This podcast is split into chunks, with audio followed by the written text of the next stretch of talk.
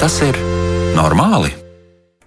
Esiet sveicināti! Mēs esam ar jums, lai jautātu, vai tas ir normāli, kas notiek ar mums un kas notiek ap mums un kas notiek pasaulē, un arī par to, vai mūsu reakcijas un mūsu atbilde uz kaut kādu notikumu vai norisi, vai tas ir normāli, ko mēs darām. Studijā Kristiāna Lapiņa un pie skaņpulca Iveta Zvēniece, un atgādināšu, šis ir raidījums par psihisko veselību, dzīves kvalitāti, un mēs mēģinam uzdot jautājumus visdažādākajā veidā, un aicinām arī jautājumu uzdošanā iesaistīties jūs klausītājus klausītājs. Sūtiet savas pārdomas, atziņas vai arī idejas uz raidījumu elektronisko pasta adresi, vai tas ir normāli at Latvijas radio.lv, un varat sūtīt ziņas arī Latvijas radio mājaslapā, atrodot raidījumu, vai tas ir normāli ziņojumu logu. Mēs noteikti arī gaidīsim jūsu zvanus, varbūt vairāk raidījumu otrajā pusē, bet es atgādināšu, kāda ir tālruņa numurs studijā 67 222 888 un 6722 5599.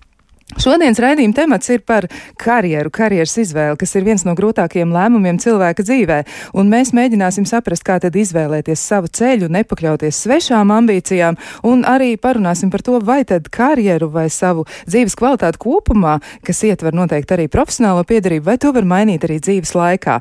Un uh, mēs esam aicinājuši sarunā piedalīties arī vēl pāris viešņus, un tās ir, tā ir Marija Ābeltiņa, psiholoģija, supervizora, kognitīva behaviorālās psihoterapijas speciālists sveicināti! Jā, labvakar. Un vēl esam aicinājuši arī sarunā piedalīties Jolantu Priedi, karjeras konsultantu. Sveicināti! Labvakar! Nu, ko pirms mēs eh, sākam mūsu sarunu, man gribētos pastāstīt klausītājiem, jau atgādināt, varbūt tiem, kas jau to, būs, eh, to ziņu būs jau uzķēruši, bet pārējie varbūt to nemaz nezin. Pat ļoti, ļoti īsu karjeru, ja mēs reiz pieķertos tai karjeras interpretācijai, tas būtu tikai par profesionālo piedarību. Proti, mm, Jekaterinburgā, vienā no tādiem mākslas centriem, jeb tā saucamajā Jeļcina centrā, tika sabojāt kādas mākslinieces Annes Leporskais glezna, un kurai ir ļoti, ļoti augsta apdrošināšanas vērtība. Un, eh, izrādās, ka tā ir kopumā 864 tūkstoši eiro. Un izrādās, ka tas vainīgais ir bijis mākslas galerijas apsargs, un viņš vienkārši ir ņēmis un ar lodīšu pildspāvu uzzīmējis acis divām gleznā redzamajām figūrām. Nu, izskatās, ka tā ir ļoti īsa karjera, jo nākamajā dienā, diemžēl, šim cilvēkam nācās no sava amata atvadīties, un izskatās arī, ka restauratoriem tur būs darbiņš. Nu, varbūt, ka tas nebūs tā ļoti, ļoti dārgi, bet tāpat laikā ļoti iespaidīgi. Un, um, Tas ir tāds um, interesants aspekts, ka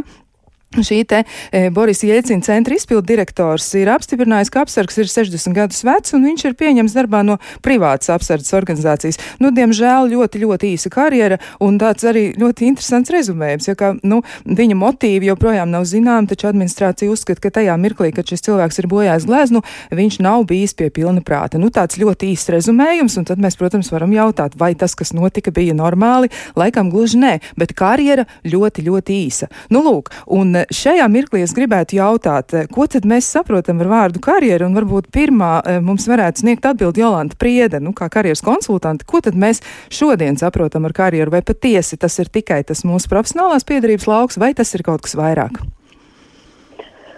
Nu, ar karjeru katrs, protams, saprot varbūt kaut ko mazliet citu, bet um, pārsvarā tas ir stāsts par, par cilvēku profesionālās dzīves gaitām. Uh, tomēr tas arī kaut kā ļoti labi caurvijās ar cilvēku personības izaugsmu kā tādu. Uh, respektīvi, kā cilvēks dzīves laikā pilnveidojās, kādas spējas, prasmes viņš attīsta, un kas, protams, viņu maina arī kā personību. Līdz ar to arī viņa, teiksim, tā pielietojums darba tirgu mainās. Nu, tā īsumā varētu teikt. Jā, Labi, tā varētu būt viena definīcija, un ko mums varētu piedāvāt Marija Ābeltiņa? Varbūt, kad ir kaut kas sakāms arī par to, kā karjeru vispār varētu uztvert. Jo Marija arī savulaik ir bijusi saistīta ar, um, ar, ar karjeras jautājumiem citā aspektā. Jā, jā, nu, varbūt tas, ko, ko, par ko es aizdomājos, ka nu, karjera varbūt uh, nav piesieta vienai darba vietai, un tas uh, stāsts par to vīrieti, Nu, jā, varbūt tajā vienā darba vietā uh, viņam ļoti īstas uh, laiciņš bija, ko viņš ir strādājis, bet tas nenozīmē, ka nu, viņš nav strādājis nekur citur un, viņš nestrādās nekur citur. Es domāju, ka tas ir svarīgi un arī, es domāju, tur nāk klāt mūsu arī tāda mm, izglītība vai mūsu tāda izglītošanās, ne tikai tāda formāla izglītība, bet arī tas, ko mēs apgūstam kā tādas prasmes profesionālās, jā, ko mēs apgūstam gan, uh, nu, kā uh, domājot par kaut kādu konkrētu darbu vietu, gan arī varbūt kaut kādas blakus prasmes, ko mēs iemācāmies un kādas varbūt iespējas mums pavarās uh, pēc tam, jā, ja mēs meklējam kaut, kādu, kaut kādas citas darba iespējas. Jā. Es domāju, ka, uh, un, nu, un arī kopumā karjera, man liekas, uh, agrāk vienmēr asociējās ar tādu uh, kāpšanu pa karjeras kāpnēm. Jā. Uh, Uh, nu, kā, ja es sasniedzu, sasniegšu priekšnieka amatu kaut kādu un vēl lielāku priekšnieku, tad man ir karjeras izaugsme. Bet cik es šobrīd esmu arī runājis ar savām mm, kolēģiem, kas varbūt vairāk darbojās tādā organizācijas psiholoģijas lauciņā, tad nu, kā, ir ārkārtīgi arī populāra šī te, tādā mm, horizontālā karjera, ja, kur, kur cilvēki vienkārši varbūt uh, nu, dara kaut kādas lietas un pēc tam viņi uh, pamaina varbūt spēcīgi specifiku darba vai uh, vienkārši attīsta varbūt pavisam kaut kādu citu profesiju, ja, kas nav saistīts ar tādu vertikālo kāpšanu kaut kur augšā. Jā, nu, laikam tomēr jāmaina ir tā attieksme, jo iespējams arī, ka cilvēkiem no tādiem iepriekšējiem laikiem, mm, nu, ja mēs to tā varam apzīmēt, nāk līdzi tā ideja par to, ka karjera tas ir kaut kas, kas ir, nu, kāpšana gan arī vai Everestā, kaut kas līdzīgs, jā, bet, nu, mūsdienās droši vien tas izstās citādi.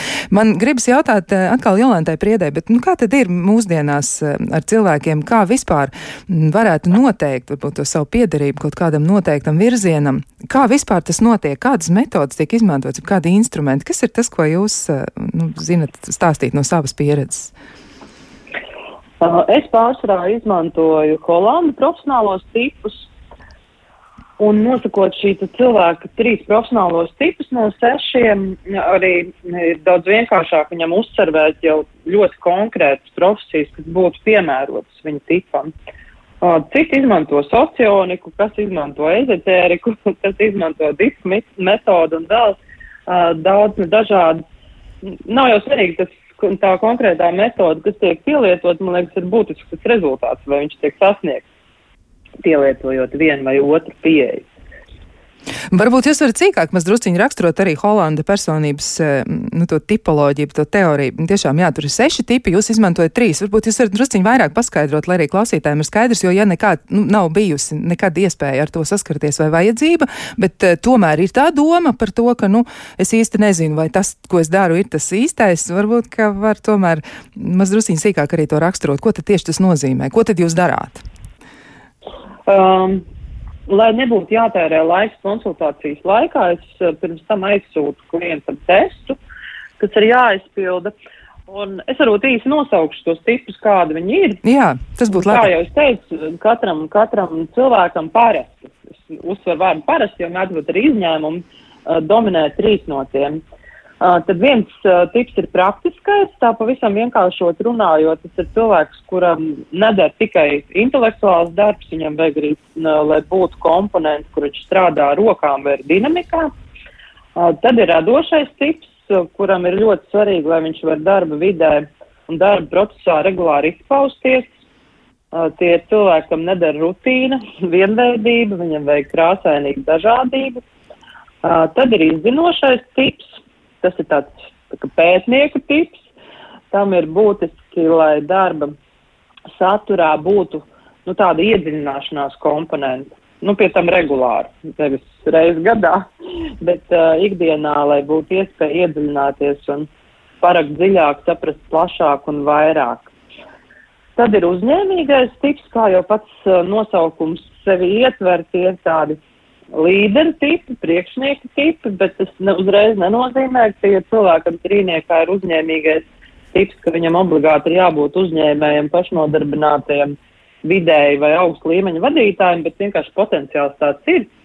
Un visticamāk, tie, kas ieņem augsts amats, viņiem vajadzētu būt trīniekā šim tipam. Tas ir tāds racionālais tips, nemīl darīt bezjēdzīgas lietas, redz laukumu, redz, kur ko var uh, izlabot, lai, lai situācija būtu labāka. Uh, Tāda ir konvencionālais tips.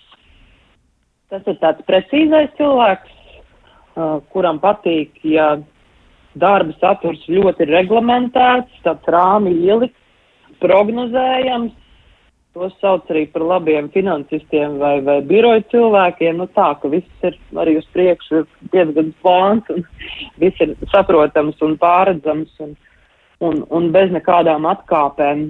Un visbeidzot, sociālais tips, kas pēc maniem novērojumiem trīniekā ir apmēram 70% cilvēkiem, nu tas ir uh, tas, kuram nepieciešams, lai tas darbs tomēr būtu saistīts ar cilvēkiem šādu cilvēku nevar ieslēgt laboratorijā ar mēģinēm, tikai viņam vajag to komunikāciju. Ja tam sociālajiem mēdz izpausties dažādos veidos, bet nu, detaļās es neieslīgšu. Un tad mans uzdevums ir noskaidrot klientu trīnieku un atbilstoši tam uzsverēt viņam piemērotākās profesijas. Nu, un kā tad veicas ar to, vai tiešām tas atbilst tam, ko cilvēks sagaida? Kā, kādi ir tie rezultāti? Jums noteikti arī par to ir kāds komentārs. Kā tad izdodas ar šiem tipiem trāpīt nu, Vai, vai, vai tieši otrādi, varbūt arī netrāpīt tur, kur tas cilvēks ilgojas nokļūt, kā viņš pats uz to rēģē? Um, ir bijis tā, ka cilvēks ierauga kaut kādas iespējas, ko viņš pirms tam vispār nebija iztēlojies. Nu, kaut kādas profesijas, kas vienkārši viņam nebija ienākušas prātā, un ieraugot, ka viņam nu, tāda būtu piemērota, pilnīgi acis iemirdzās un, un ir gatavs mesties un, un darīt to. Dažkārt nav nekāda pārsteiguma, ka, pieņemsim, tas, ko es cilvēkam uzsverēju, atzīst, ka jā, es esmu domājis gan par to, gan par to. Nevar sakot, ka viņš intuitīvi jau ir jūtis, kas ir viņa un kas viņam būtu piemērots un kādā virzienā viņš varētu raudzīties. Jā, un vai gadās arī tā, ka ir tāda ļoti liela pārsteiguma cilvēkiem? Nu, varbūt nu, viens gadījums varētu būt, ja cilvēks ir studējis, piemēram, medicīnu, un pēc tam viņš saprot, ka tomēr nē, ka viņu ļoti vilina māksla. Varbūt ir arī kaut kas tāds, kas liekas sākotnēji tā ļoti, ļoti atšķirīgs, bet tur noteikti pastāv kaut kāds radniecīgums, vai arī tādi gadījumi ir? Mm. Man pārsvarā klienti ir tādi, kas ir jaunieši, kuriem jāizdara pirmā izvēle. Uh, retāk ir, uh, ka nonāk pie maniem uh, kāds, kurš grib mainīt šo savu virzienu, bet gadās arī tā. Mm, par tiem pārsteigumiem. Nu, svarīgi ir tas, ka beidzoties sarunai, mēs vienmēr nonākam līdz kaut kādam konkrētam rezultātam. Kas jebkurā gadījumā tam cilvēkam lielākoties ir kaut kas tāds, ko tomēr viņš iepriekš nebija izdomājis. Nebija šādā te uh, rakursā paskatījies. Tā kā mūsu tikšanās bieži vien beidzās ar tādu patīkamu pārsteigumu, patīkamu pārsteigumu viļņu un tādu saviņojumu par gaidāmo. Nā, tā, tā, tā ir tāda jauka, jau, jauka situācija, jauks brīdis, droši vien arī tādas cerības un gaidas ar to varētu būt saistīts. Bet, nu, te es atkal gribu uzdot jautājumu Marijai un uh, jautāt, nu, cik lielā mērā karjeras izvēle varētu būt saistīta ar kaut kādiem noteiktiem faktoriem, piemēram, ar vecāku klātbūtni ģimenē, vai ir arī tādas situācijas, kur cilvēks, uh, nu, dažreiz varbūt viņš arī pat nonāk pie terapeita ar jautājumu, nu, kaut kad vēlākajā dzīvē, pat ne pie karjeras konsultanta un saka, nu, es jūtos nelaimīgs ar to savu dzīvi, nu, nav tas, ko es gribēju, un es paklausīju vecākiem un redz, kā sanāca. Nu, kā tas varētu būt izvērtējams? Vai tā ir un nu, kā tad ar to tik galā? Nu, jā, protams, ka tā var gadīties, nu, ka vecāki spiež uh, savu gribu, tā, tā, tā mēdz būt.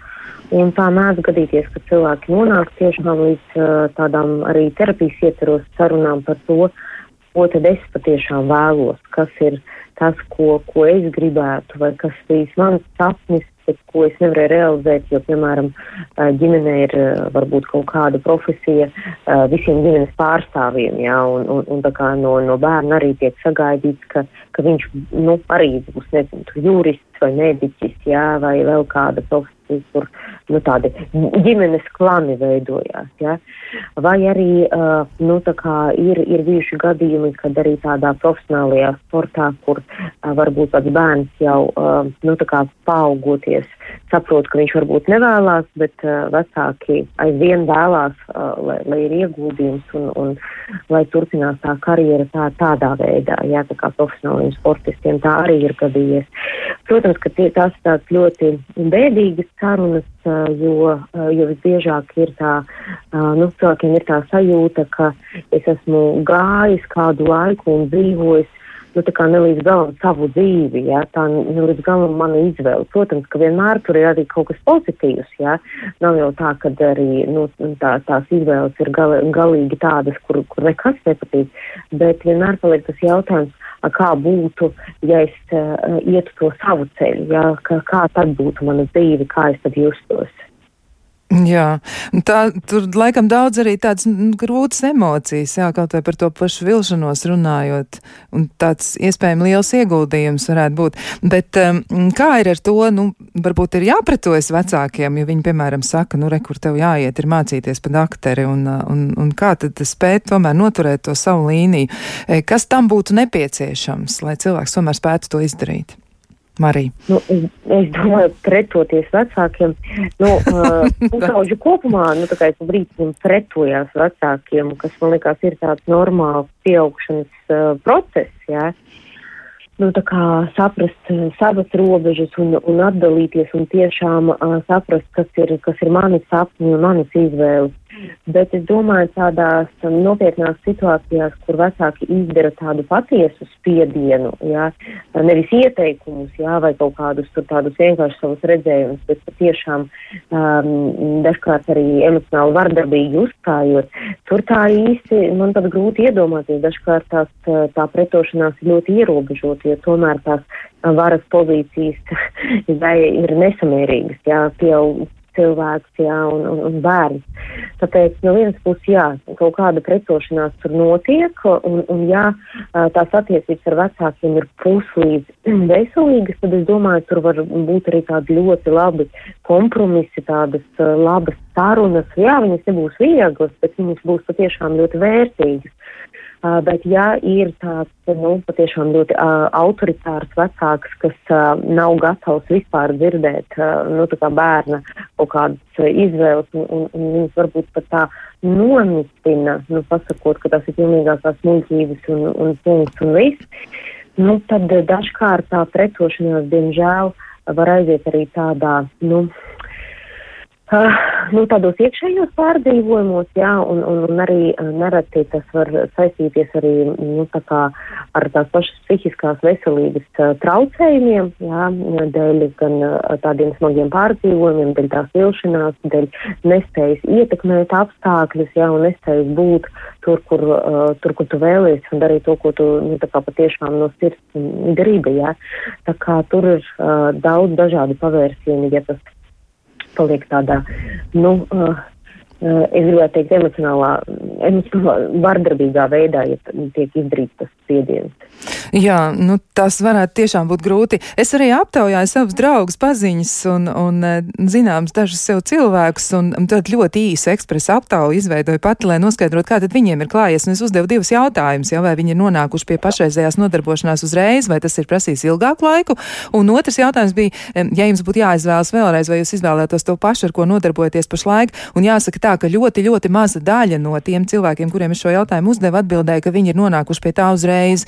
Lielākajai daļai tas prasa ilgāku laiku, un liekas, ka pats lielākais eh, skaitlis eh, gadu ziņā tika minēts 25 gadi, ar lielu 25 gadu pārtraukumu. Cilvēks beidzot ir nonācis pie tā, ka viņš dara to, ko viņš ir vēlējies.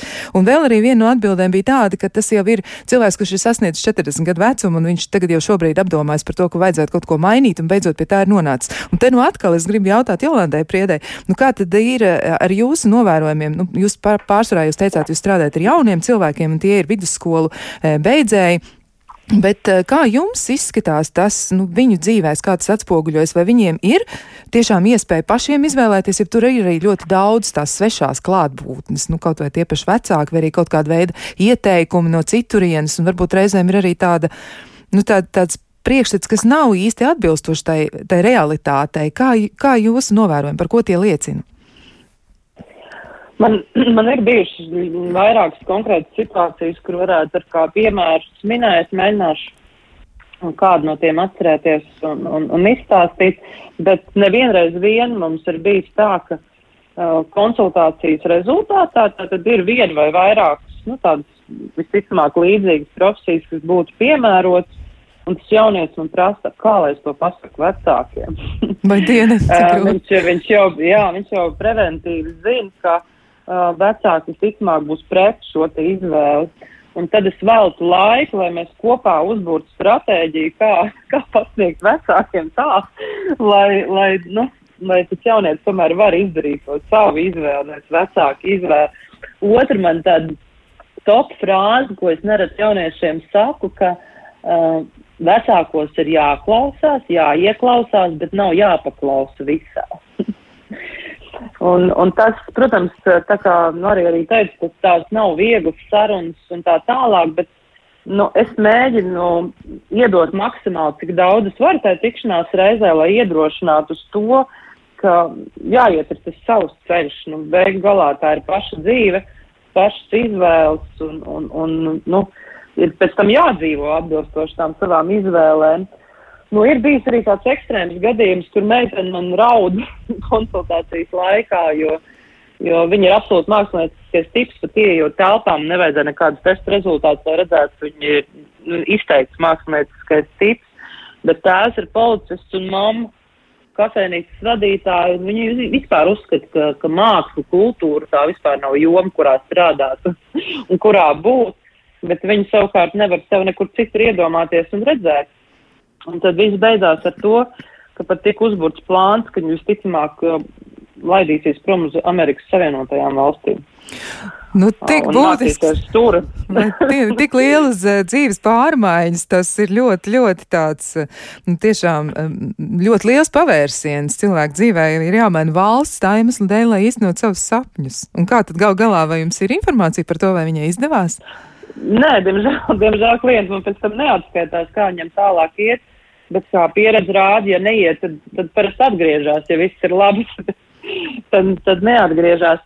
Par to man diemžēl nav informācijas, bet uh, uh, tas, kā Marija arī teica, vai iedzīvoties milzīgās psiholoģiskās traumās un pakļauties kaut kādam uh, spiedienam no malas, vai tomēr īstenot to savus sapņus ar ar ļoti daudz jautājumu zīmēm un riska faktoriem. Kā, man liekas, ka otrais variants vienmēr ir labāks.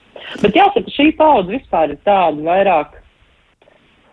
Nu, vairāk izlēmīgāk, pat ne tādā ziņā, ka viņi zina, ko viņi grib, bet ja viņiem tiek iedots tas karoks, kas, kas viņiem patīk un ar ko viņi grib skriet, tad viņi, man liekas, daudz vienkāršāk pārvar šķēršus nekā, pieņemsim, mūsu paudzes pieļaut, mēs plus mīnus varam sev pieskaitīt visus pie, pie vienas paudzes kur tomēr mums skolotāja vārds, vecāku vārds bija vairāk kā likums, tad, tad šie pusauģi to vairs tā neuztver.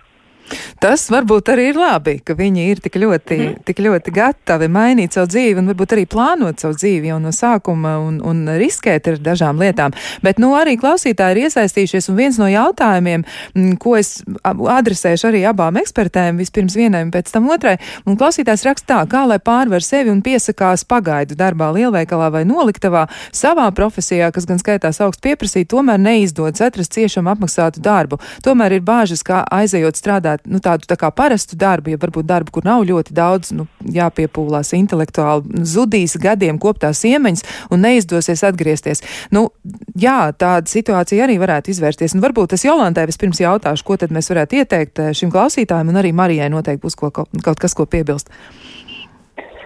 Uh, šādi jautājumi man ir bijuši, un es, es parasti atbildu tā, ka labāk ir savilkt jostu un tomēr, nu, tā kā nu, nevis neiet zem tā sava līmeņa, bet, nu, nu, nedarīt to, ko jau pats preventīvi tu negribi darīt. Uh, un, un es uzskatu, ka darba meklēšana, ja tu tiešām nopietni meklē darbu, tas ir kā pilns slodzes darbs. Tam ir jāvēlt ļoti daudz laika un uzmanības. Uh, taču, ja tu strādāsi 10, 12 stundas lielveikalā, pa kuru laiku tu meklēsi to, to sev atbilstošo darbu? Jā. Tā kā es uzskatu, ka labāk daudz vairāk enerģijas veltīt, lai, lai atrastu to sev piemērotāko, nekā iet strādāt maskavcētu darbu, kas, nu, tiešām ilgtermiņā var, var cilvēku, nu, degradēt. Jā, un ko Marija teiks, kā klausītājiem varbūt uh, vēl kā, kā, kādā virzienā apdomāties? Tad grūta situācija noteikti. Nu, jā, jā, es, es domāju, ka tas ir ļoti tiešām atkarīgs no tās situācijas, kas tur ir, jo ja ir tādi iespēja iekrājumi vai, nezinu, normāls bezdarbnieku pabalsts un, un var tiešām veltīt laiku meklējumiem, tad visticamākais, ka tā ir laba stratēģija. Bet no otras puses, nu, gadās dzīvē situācijās, kad mēs nevis dzīvojam, bet, nu, izdzīvojam, jā, kur, kur mums ir jautājums, nu, nopelnīt vienkārši naudu, lai mēs varētu tos elementārākās lietas un vajadzības nodrošināt.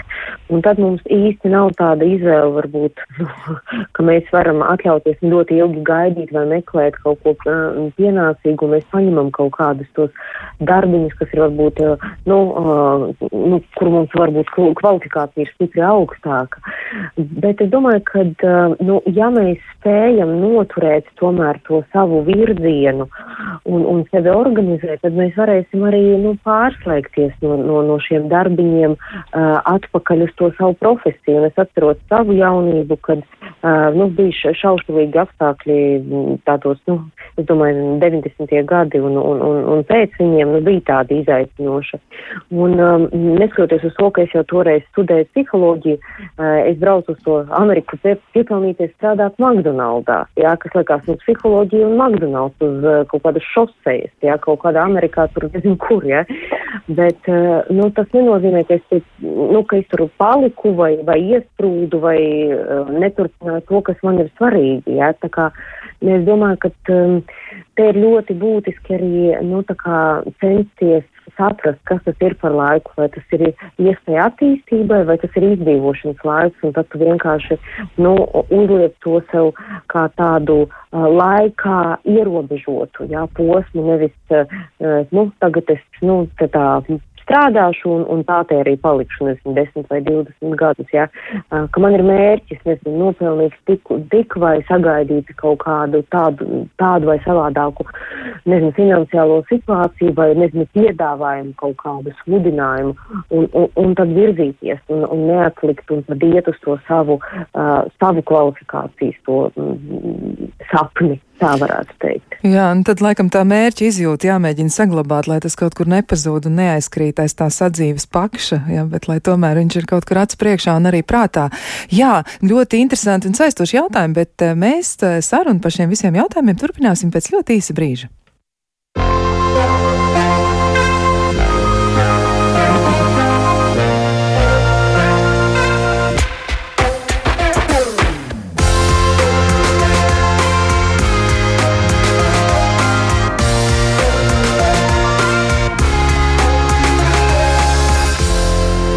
Tas ir normāli? Mēs turpinām sarunu par to, kā izvēlēties savu ceļu dzīvē, un eh, vairāk fokusējamies uz karjeru, ar to domājot gan dzīvi kopumā, bet tomēr ietverot tajā arī profesionālo jomu, jeb savas profesionālās izvēles. Un karjera noteikti, karjeras izvēle ir viens no grūtākajiem lēmumiem cilvēka dzīvē, un nav viegli noturēties eh, pret spiedienu, kurš varētu tikt izrādīts vai nu no mūsu draugiem, vai arī reizēm no vecākiem. Bet eh, vēl pirms mēs turpinām sarunu, gribu atgādināt, ka mēs raidījuma laikā atbildam uz jūsu jautājumiem un jūs varat tos iesūtīt gan e-pastā, vai tas ir normāli at Latvijas radio.lv, varat izmantot arī ziņojumu logu Latvijas radio mājaslapā, un, eh, ja kādam ir arī duša piesvanīt, tad noteikti varat to darīt, un atgādināšu tālruņa numurs 67 222 888 un 67 22 5599. Un vēl, vēl arī nedaudz atskatoties atpakaļ uz iepriekšējo gadu, gribu atgādināt, ka ar šādu pašu nosaukumu kā raidījums, vai tas ir normāli, ir arī ierakstītie podkāsti. Uzmetiet aci varbūt Latvijas sabiedriskā sabiedrisko mēdīju mājaslapai, vai arī paskatieties Latvijas Rādio 1 un iespējams atradīsiet kaut ko vēl, ko paklausīties un kur atrast kādas jaunas idejas savai dzīvei.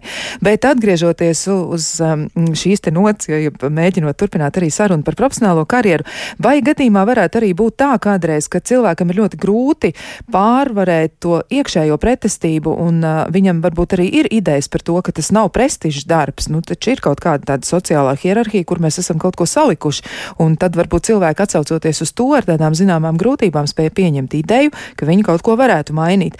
Nu, varbūt, ka Jolantai Priedai tomēr arī ir vēl kaut kas par šo sakāms, jo gan jau, ir arī kāds cilvēks, kurš nav vidusskolas beidzējis, bet ir arī jau dzīvē kaut ko pieredzējis, un varbūt jums ir arī nu, kāda novērojuma par šo, kā tad iet tādās situācijās. Man ir uh, pieredze stāsts, divi interesanti stāsti. Uh, viens klients bija man vīrietis, 55 gadu vecumā, kas bija nobriedis pilnībā mainīt savu profesionālo dzīvi, uh, līdz tam strādājis visu mūžu juridiskajā lauciņā. uh, manuprāt, ļoti drosmīgi. un, un mēs arī salikām viņam smuku plāniņu. Bet savulaik, kad strādāju Rīgas Tehniskajā universitātē, bija tāds ļoti skaists stāsts un piemērs, kas, man liekas, var iedrošināt jebkuru vecumu cilvēkus. Mums iestājās pilnu laiku studijās pie tam kādā no inženierzinātņu jomām, es neatceros precīzi, kurā uh, 80 gadus vecs vīrietis. Tā kā mainīt savu dzīvi un mainīt kaut kādas mm, profesionālās lietas nekad nav par vēlu. To var darīt visu mūžu garumā, kamēr mēs vēl elpojam, staigājam un dzīvojam. Bet tas, ko es redzu jau arī savu vienaudžu vidū, nav stāsts tikai par klientiem, bet um, mm, paskatoties apkārt, kas man notiek, uh, ka ir absolūti normāli, es teiktu, nu, vismaz trešdaļai no, no mani paziņu draugu loka ir tā, ka viņiem ir vismaz divas iegūtas profesijas dzīves laikā. Citam pat trīs un vairāk. Un kā, Man liekas, šobrīd, jā. un, un, un kā ir ar tām profesijām? Vai tās profesijas, ja mēs atsaucamies, piemēram, uz to pašu Holanda personības tipu, e, nu, sadalījumu, vai tās ir atniecīgas, ja tas ir arī kaut kas tāds ļoti atšķirīgs, vai arī tā kādreiz? Ļoti atšķirīgs.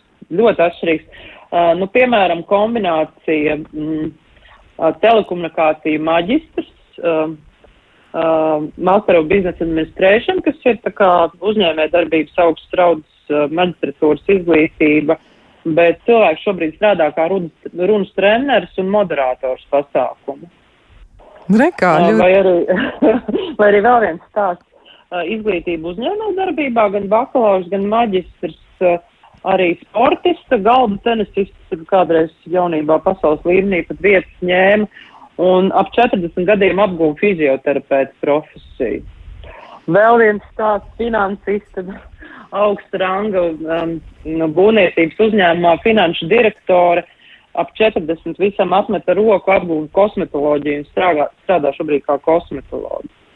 Lieliski piemēri. Man liekas, tiešām ties, tas ir ļoti iedrošinoši. Ne tikai runāt par kungu, kuram ir 80, kurš ir dienas laika students, tas man ļoti sajūsmina, bet arī par to, cik ļoti nu, tādi droši, pat brīžam liekas pārdroši, mēģināja mainīt savu dzīvi un, un izskatās, ka rezultāti ir ļoti labi. E, nu, te arī jautājums, mums ir arī uzdots jautājums, vai tas ir normāli, ja cilvēks savu nodarbošanos nu, tādā karnilā, kardinālā veidā dzīvē maina vairāk kārtīgi, vai tas ir, vai tas ir normāli? Varbūt Marija varētu atbildēt uz to. Kā, kādā kontekstā tas varētu būt normāli? Jā, es domāju, ka tas ļoti normāli. Nu, kā, jo, ja mēs skatāmies, mūsu dzīves ilgums pagarinās. Jā, paldies medicīnas dažādiem atklājumiem un, un dzīves kvalitātes līmenim. Un arī, ja mēs skatāmies tāds pensionēšanas vecums, viņš jau tā, nu, atkāpjās, jā. Un daudzi cilvēki strādā patiešām līdz ļoti firmam vecumam un būtu, nu, naivi sagaidīt, ka mēs visi, nezinu, tur 16 gados kaut ko izvēlamies un līdz 70 gadiem to pašu arī daram, ja, jo mēs esam precīzi izvēlējuši. Tā var būt bet tikpat normāli ir, ka tā nav. Ja? Un ka, uh, nu, ka tiešām atkal atsaukšos uz saviem kolēģiem no organizācijas psiholoģijas, kuri ir teikuši, ka, nu, ka divas, trīs reizes var ļoti nomainīties uh, tā karjera. Uh, jo arī tā dzīve ir ļoti strauja un tās izmaiņas ir tādas, ko mēs vēl, nezinu, 20 gadus atpakaļ nevarējām iedomāties daudz no profesijām, ja? Un, un nezinu, datorspeciālisti bija, uh, nu, tāds, uh, varbūt kaut kas tāds retāks un tāds ļoti specifisks, un šobrīd, nezinu, šo te uh, IT tehnoloģiju joma ir, nu, tā kā mm, viena no vadošajām, ja? Un, un, un daudz profesijas tiešām agrāk vienkārši neeksistēja. Ja? Tāpēc es domāju, domāju, ka nu, tādas uh, psihiskās veselības uh, viens, viena no pazīmēm ir elastība. Ja? Elastība un spēja pielāgoties gan tam, kas ir manas iekšējās vajadzības, gan tam, kas ir no ārējās vidas tie apstākļi. Un viņi tomēr pēc 20, 30 gadiem tas normāli, ka lietas ļoti ļoti var izmainīties. Ja? Un mēs varam saprast, o, oh, bet, ši, bet šis varētu būt interesants, vai šis man tiešām uzrunā, vai, nezinu, tas bērnības sapnis numur divi, jā, varbūt es numur vienu realizēju, bet tas numur divi man šobrīd neliek to mieru, ja? Vai es arī redzu, ka ir parādījušās kaut kādas tādas jaunas jomas, kas man, nu, tā kā vilina un interesē. Tāpēc es domāju, ka tas ļoti, ļoti ok. Protams, ka tas prasa laiku un tas prasa tādu mācīšanās periodu. Un atkal, nu, tas ir nu, tāds psihiskās veselības pazīme, ka mēs varam uh, nu, pieļaut, ka mēs kaut ko neprotam, ka mēs kaut ko mācāmies un tikai, nezinu, pēc kāda laiciņa mēs atkal kļūstam par tādiem meistariem un speciālistiem. Ja? Jā, nu, um, tas ir labs izskaidrojums, bet Ir vēl viens jautājums arī līdzīgi par, um, kā mēs runājām par to, nu, ja, ja, ja kardināli maina, tā tad skaidrs, jūs to drīkstat darīt, varat un arī vajag droši vien, bet kā tad saprast, ka tas, ko cilvēks dara, nav tas īstais darbs? Kas varētu būt tās pazīmes, kas liecina par to, ka attiecīgā profesija vai tas uh, nodarbošanās veids nav cilvēkam piemērots? Varbūt Marija varētu pastāstīt cīkāk, nu kā identificēt to, ka nav labi, nu, nu tiešām nav labi, un tas varētu būt vairāk saistīts tieši ar darbu. Jā, nu, es domāju, ka tas, ka nav labi, to mēs identificējam diezgan ātri. Mēs vienkārši jūtamies, ka kaut kas nav labi. Tas otrs solis, laikam, būs tas sarežģītākais. Un, ja mēs skatāmies no tādas nu, kognitīvi behaviorālās pieejas, tad mēs vienmēr mēģinām saprast, kas tad, kur tad ir tā problēma, jā, ka, ka, kas tad nestrādā. Un, un ir vērts tiešām nu, tā, uztaisīt tādu inventarizāciju, ja es tagad strādāju darba vietā. Ja? Kas, kas ar mani notiek? Uh, man ir slikti tāpēc, ka uh, tas neatbilst manām vajadzībām. Es tur nevaru realizēt savu potenciālu, ja, vai es nevaru tur attīstīt kaut kādas savas kompetences. Ja, jo šobrīd ir arī diezgan daudz stāstu nu, par tādām kompetencēm, ja, varbūt nevis par konkrēto profesiju, bet par to, ko es tur daru, ja, ko es tur realizēju. Un, uh, vai tas man uh, piekļuvo, vai varbūt man ir slikti, tāpēc, ka uh, tā atmosfēra darbā ir uh, galīgi garām. Jā, un patiesībā man nav jāmaina mana darba sfēra, bet man ir jāmaina darba vieta. Jā, vai man ir jāmēģina risināt tas konflikts, kas tur ir izveidojies. Jā. Vai arī, uh, piemēram, uh, tas nav par atmosfēru, tas ir par manu spēju galā ar stresu. Jā, ka varbūt es vienkārši neprotu tik galā ar stresu, un tas, kas notiek, es pats sevi nezinu, uzkurinu, jā, un man paliek slikti, un es neko nevaru, un varbūt novedu sevi, nezinu, līdz profesionālai izdegšanai. Varbūt tas ir kaut kas uh, saistīts ar to, ka, uh, nu, tā kā, uh, nu, kaut kādām lietām, kas, uh, nu, uh, vienkārši, mm, nezinu, patiešām tās jaunās iespējas, kas ir atklājušās, un mūsu tās intereses vienkārši dzīves laikā ir izmainījušās, jā, un mums ir grūti to atzīt, un, un mums ir visādi, nezinu, tur priekšstati un aizspriedumi pašiem par sevi izveidojušies, jā, nu kā tad es uh, savos, tur nezinu, 30, 40, 50 vai vienalga, kurā vecumā, nu, kur tad es vai ko tad es, jā, un patiesībā tā, tas uh, šķēršlis ir tāds, nu, tāds iekšējais, tāds mentālais, jā, ka patiesībā es zinu, kur iet, es pat uh, saprotu, kas man ir vajadzīgs, bet es nekur nejūtu, ko tad es, jā. Tā kā tur var būt dažādi tie uh, nu, šķēršļi un ir ļoti svarīgi viņus saprast. Un, un ja mēs saprotam, ka tas um, nu, mums patiešām vairs neinteresē tā sfēra, mēs varbūt esam uz tāda arī apjukuma robežas. Un tad ir nu, tas punkts, kur mēs varam sākt pētīt, ko, ko tad mēs gribam, uh, nu, kā, kas mūs interesē, un sākt izvirzīt to, to mērķi, kur tiekties, kas tam mums ir svarīgi tajā uh, darba vietā, kur mēs, kur mēs strādājam. Ja? Kas, kas mums, šo, kas mums tā kā ir nu, tā, tā būtiskais elements. Es domāju, šis pandēmijas laiks arī ievies savas korekcijas, ka uh, mēs esam izmēģinājuši, piemēram, attālināt to darbu. Ja? Un ir cilvēki, kam uh, ir ar to tādas sarežģītas attiecības un kas uh, bišķiņi ienīst varbūt to attālināt to darbu un beidzot grib būt klātienē. Un ir tie, kas saka, paga, paga, uh, es uh, uh, nu, vairs negribu strādāt tādā darba vietā, kur es nemitīgi visu to, nezinu, dienas laiku atrodos oficiālā. Ja? Uh, tāpēc, jā, tie, tie jautājumi ir svarīgi saprast, uh, nu, kā, kas, ir, kas ir tas, kas ir mūsu problēma, un tad mēs varam to, to mērķi atrast un virzīties uz viņu. Jā, nu man vēl viens jautājums arī šajā saistībā tieši tev arī par to, vai varētu arī tā būt, ka cilvēkam ir nu, tādas zināmas grūtības tiešām sevi novērtēt. Tas varbūt varētu būt saistīts arī ar pašvērtējumu, bet iespējams, ka tur ir kaut kādi tādi, nu, tā kā stikla griesti. Ja es gribu darīt kaut ko vairāk, ātrāk un pamatīgāk, un man ir sajūta, ka es, nu, tā pa pusē esmu tur, kur es esmu, un man ļoti, ļoti gribas iet tālāk, bet izskatās, ka tur tās iespējas ir izsmelts. Kas varētu būt tas šķērslis, kas aizkavē šādu cilvēku? Jo viņš tiešām, viņam ir resursi, viņš varētu kaut ko darīt un mainīt savā dzīvē, un tomēr viņš to neizdara. Varbūt tev ir kāda ideja, kā tas eh, būtu izskaidrojams. Nu, es domāju, ka tas atkal ir izskaidrojums gan no tādiem iekšējiem viedokļiem, ka tos stikla griestus varbūt mēs paši uzlikām vai pašas, jā, ar tādiem, nu, mēs to saucam tādu, gribās domāt, ka ar gadiem mums nāk dzīves gudrība, bet dažreiz mums nāk negudrība, jā, mums nāk tādi tiešām ļoti tādas pārliecības, kas mūs iegrožo un kas, nu, kur mēs paši sevi īstenojam un tur uh, iedomājamies, ka mēs iesim uz jauno darba vietu lietu un tā ķiķinam ar tādu, nu, to ļoti nepatīkamo piegaršu, ja, un tad ir, nu, ļoti grūti spērt to soli, ja tas pašvērtējums ir ārkārtīgi zems šajā jautājumā, ja, un tad man liekas, nu, labāk jau turēties pie tās zīles, kas man tur rokā ir, ja, Un uh, otrs variants, nu, protams, ka ir dažkārt situācijas, ka tie stikla griezti ir nu, tie apstākļi, ja, kas mums tajā brīdī ir. Ja. Uh, nu, uh, tā, tā atkal jau atgriežoties pie pašās pandēmijas, jā, nu, ir bijuši, uh, bijušas situācijas, un arī mēs ar klientiem par to runājām, kad nu, tie apstākļi mājās vai tuvinieku slimība vai vēl kaut kas, nu, ir uh, uzlikuši pagaidām tādu krustu uz, uh, uz, uz tās karjeras virzības, jā, nu, ka tu vienkārši nevari izdarīt, tāpēc, ka apstākļi ir tādi. Vai arī uh, varbūt tos šķēršļus uh, uzliek kāds, kas, uh, nu, tu, tu gribētu attīstīties, bet tavs vadītājs saka, nē, nedošu tev to iespēju, man patīk, ka tu esi šeit un viss un punkts, jā. Tā arī mēdz gadīties, bet, protams, ka mm, man dažreiz liekas, ka ar tiem ārējiem apstākļiem nu, kaut kā mēs vēl tā labāk tiekam galā bet ar tiem iekšējiem dažkārt mēs sevi varam gadiem ilgi mānīt, jā, un tā kā es tā deguni tur vazātu. Jā, nu tā tad tas noteikti būtu jānoskaidro, kā tad ir ar pašvērtējumu. Varbūt, ka tas ir kavēklis un galvenais čērslis, lai, nu, tomēr veikt to lielo lēcienu vai to lielo kāpienu pašam savā virzienā.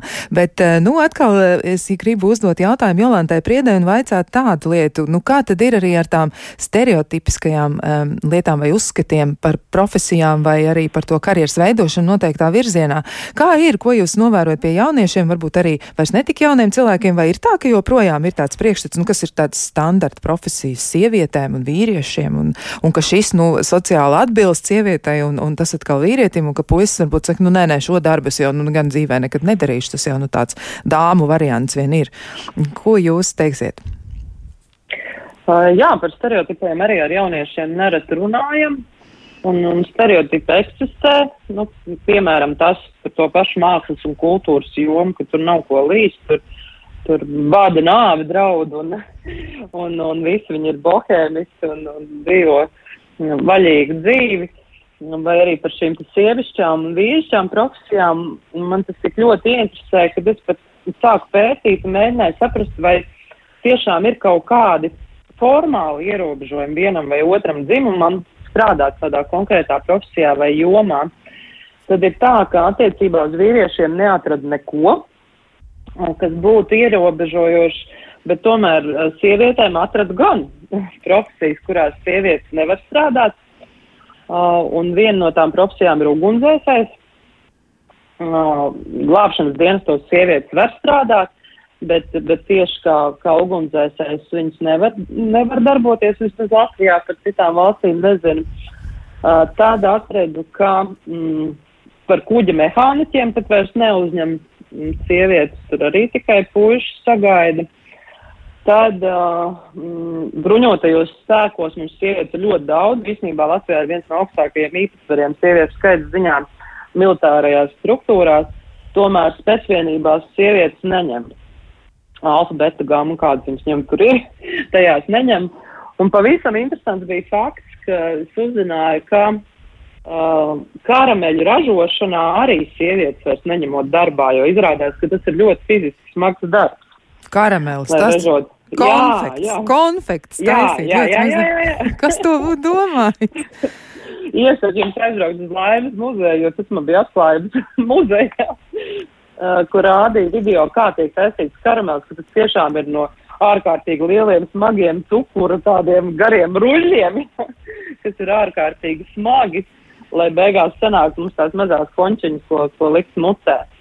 Nu tā, un, un protams, ka ir tie, tie stereotipiskie, ka, ka jaunieši nāk ar, ar tekstu, ka nu, tās jomas vispār neizskatu, jo, jo tur nevar nekādu naudu nopelnīt. Nu, ka ir uzlikts tas, ka, ka obligāti ir svarīgi liela ienākuma, un, un otrā plānā tiek nolikt varbūt tas, ko es gribētu darīt un kas man patiktu, bet tad man arī vienmēr ir piemēri, kuriem es māku apgāst šos te stereotipus un parādīt, ka jebkuras jomas speciālists, ja viņš ir savā vietā un no sirds dara to savu lietu, nu, ka viņš arī atbilstoši par to saņemt un nopelnīt sev nepieciešamos līdzekļus. Jā, nu tas droši vien Gan drīz tā varētu būt, jo man liekas, tomēr ir tādas profesijas, kuras iespējams sabiedrībā mēs uh, novērtējam. Tajā nozīmē, ka mēs saprotam, ka mēs bez šiem cilvēkiem iztikt nevaram, bet uh, nu, tās lodziņas, kas viņiem ir jāuzņemas, lai viņi tiktu pie tāda atalgojuma, kas viņus pašus apmierina, tur tomēr varētu būt arī diezgan daudz tādu grūtību, man liekas. Bet um, man arī jautājums par to sociālā prestižu piedēvēšanu. Kā ir, Jolanta? Nu, jums noteikti arī tas ir bijis, jūs esat to pamanījusi, kā tad ir, vai ir tiešām tāds, vai, vai tas tiešām ir tik tikai naudas jautājums, ja ir arī tādas sociālās, e, nu, tādas kaut kādas. Tāds, es nezinu, pat tad kaut kādas markas, birkas, kaut ko, ko pieliek klāt, nu, ka jā, šī profesija, nu, tas ir, tas ir kaut kas nu, tāds iekārots. Kaut kā, kaut kā man šķiet, ka pirms gadiem, 10, 20, tas bija vairāk izteikts. Tagad tās prestižas lietas uh, kļuvušas kaut kādas uh, mazsvarīgākas mm, īpaši nenovēroju, ka jauniešiem tas būtu ārkārtīgi svarīgi. Nu, kaut kāds prestižs. Labi, nu tad pamazām, pamazām virzoties arī sarunai uz otru pusi, es gribu tad jautāt, nu, ja gadījumā kāds cilvēks dodas pie karjeras konsultanta, kas tad ir tas, ko viņam vajadzētu e, nu, par sevi zināt, varbūt vai arī ko teikt un e, varbūt kā noformulēt to savu domu, ja tas vispār nav svarīgi. Viņš vienkārši dodas pie karjeras konsultanta un saka, nu, es gribu mainīt savu dzīvi, vai ar to pietiek? Uh, nekāda sagatavošanās darba nav nepieciešama. Priekš tam ir speciālists, kas izdarīs visu, lai, uh, lai no cilvēka nepieciešamo informāciju iegūtu.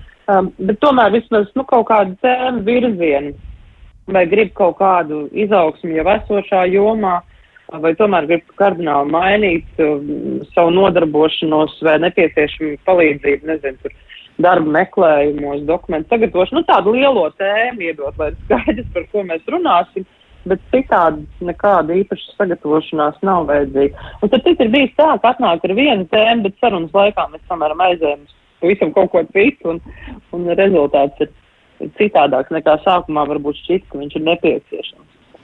Jā, arī tā tad varbūt atnāca ar vienu pasūtījumu, ja gribu Jā. būt tas un tas, un beigās izrādās, ka man ir pavisam citas iespējas.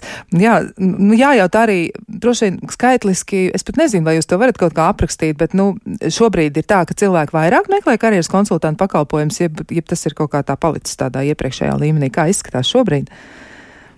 Nu, no savas perspektīvas skatoties, es teiktu, ir palicis iepriekšējā līmenī. Es nejūtu nekādu Nekas pieaugumu. Būtiski nemainās. Un arī, pieņemsim, es, es, uh, man tā šķita, ka, ka tieši šīs pandēmijas dēļ daudzas jomas tomēr uh, smagi ciet un, un cilvēki kā zaudēja darbu, ka būs tāds vairāk pieplūdums tieši saistībā ar šo. Bet uh, šādu klientu man pēdējo gadu laikā ir bijis uz vienas rokas pirkstiem tikai saskaitām. Tā tad tomēr adaptācijas spējas ir ļoti, ļoti augsts, un cilvēki laikam arī redzot, jā. jā, spēja tik galā ar šīm lietām. Nu, ko nu tad arī, var teikt, pēdējais jautājums, laikam. Marijai Ābeltiņai, nu, ko varētu teikt tiem cilvēkiem, kuri lauza galvu par to, kā viņi jūtas eh, gan savā dzīvē kopumā, gan arī eh, kā viņi jūtas savā profesijā vai savā nodarbošanās virzienā, kā iedrošināt viņus, lai viņi apsver un ar ko viņiem sākt, tad? Eh, kādu jautājumu sev uzdot, nu, ja es tiešām jūtos nevisai labi, bet īsti nesaprotu, kas tas ir, un kā varētu palīdzēt. Nu, es domāju, ka tie, tie jautājumi mēs daļu jau nu, izskatījām, kā, kas man traucē, Uh, ko, ko es gribu, kas ir tā mana sapņu vieta, ko, ko, kā, kā es gribētu strādāt, ko, kādos apstākļos. Nu, un, protams, ka tālāk jau ir nu, tādi jau konkrētāki jautājumi, nu, kā, kas man ir nepieciešams, varbūt kādas zināšanas, pieredzes vai uh, personības, varbūt kaut kāds, nezinu, tas um, kvalitātes jāattīsta, ja? vai man ir vajadzīgi tādi sagatavošanās darbi, ja es saprotu, kas man traucē un kur es gribu doties, vai man ir visas ekipējums, tāds iekšējais vai ārējais. Nu, un, protams, ka eh, tālāk jau mēs varam likt tos mērķus, ko, ko tad man ir jāiemācās tiešām, vai nu rakstīt CV, vai uh, LinkedInā profilu noformēt, jā, vai, vai kas tur ir vajadzīgs, jā. Uh, un, un tālāk jau, kad mēs esam veikuši tos sagatavošanas darbus, tad jau ir tas viens no sarežģītākiem soļiem nu, ņemt un darīt. kā pieteikties vai meklēt vai nu, atteikties no tā darba, kas nepatīk. Bet jā, tās lietas izdarāmas un, un, un arī manā praksē ir bijuši da diezgan daudz cilvēku, kas ir gan mainījuši vai uzlabojuši savu esošo darba vietu un varbūt patiešām pa tādu horizontāli pavirzījušies un dara kaut kādas lietas, kas viņus vairāk iepriecina. Jā, tas, ko teica, iepriecina. Man liekas, tas ir arī viens no atslēgvārdiem, kam būtu jābūt klāt eh, tajā brīdī, kad mēs mēģinām saprast, ko darīt savā dzīvē, jo, ja mēs gūstam no tā prieka, tad laikam tomēr arī tā dzīves kvalitāte ir ievērojama augstāka. Nu, ko šajā brīdī saku paldies eh, raidījuma viešņām Marijai Jābeltiņai, psiholoģijai, supervizorei, kognitīvi behaviorālās psihoterapijas speciālistei un arī Jolantai Priedei, karjeras konsultantei, eh, abām dāmām par to, ka viņas bija tik laipnas un pastāstīja kaut ko vairāk par to, kā mums gal galā tikt galā ar karjeras izaicinājumiem. Bet klausītājiem šajā brīdī es saku, um, tiksimies citā reizē. Ar jums kopā bija Kristiāna Lapiņa, pie skaņu pults bija Iveta Zvejniece, un mēs jau pēc nedēļas tiksimies, lai runātu par to, cik ļoti tad mēs varam paļauties uz dažādām pseidoterapijām ar psihoaktīvajām vielām. Vai tad tiešām tas strādā, vai tomēr mums no tā vajadzētu izvairīties. Lai jums skaista nedēļa, visu labu!